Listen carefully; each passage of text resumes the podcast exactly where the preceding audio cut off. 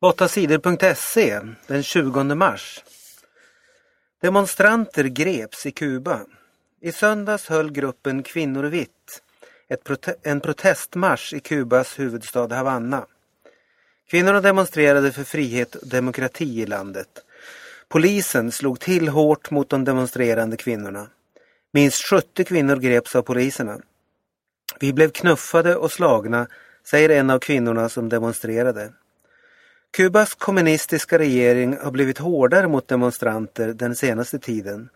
Kanske vill regeringen skrämma bort demonstranter från gatorna inför påvens besök i Kuba om en vecka. Fem personer dog i snöras. Sex turister från Frankrike och Schweiz sveptes med i ett snöras i Kolfjord i norra Norge på måndagen. Bara en av de sex kunde räddas. De andra fem dog i lavinolyckan.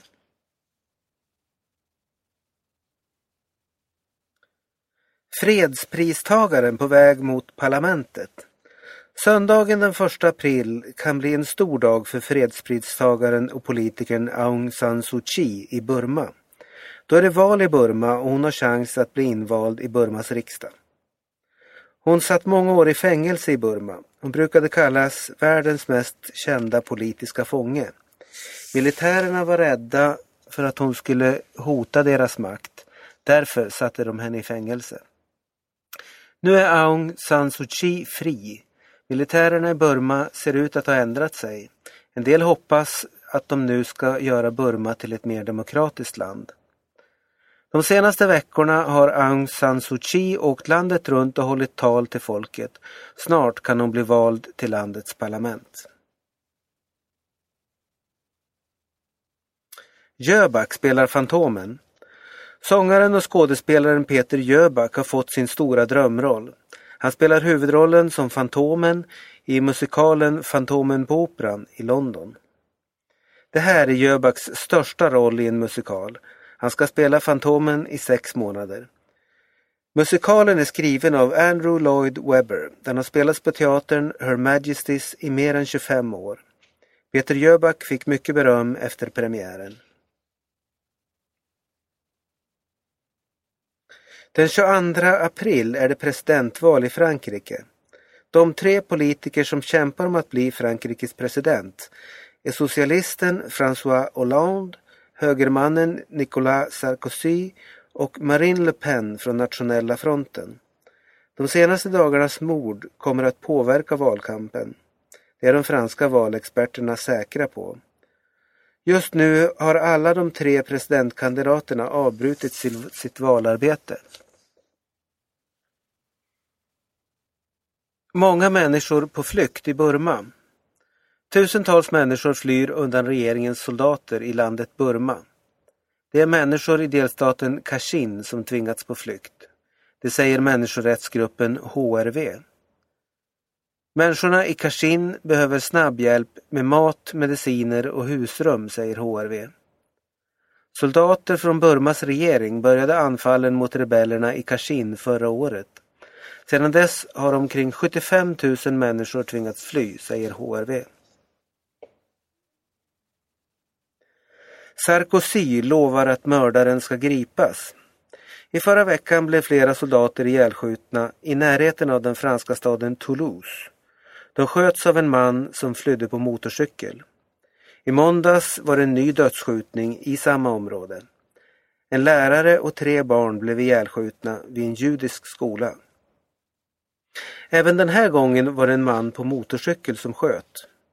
De franska poliserna säger att det är samma vapen som har använts vid de båda attackerna. Frankrikes president Nicolas Sarkozy besökte skolan på måndagen. Han lovade att göra allt för att mördaren ska gripas. Hatet får inte vinna. I Frankrike dödar man inte barn på det sättet och kommer undan, sa Sarkozy.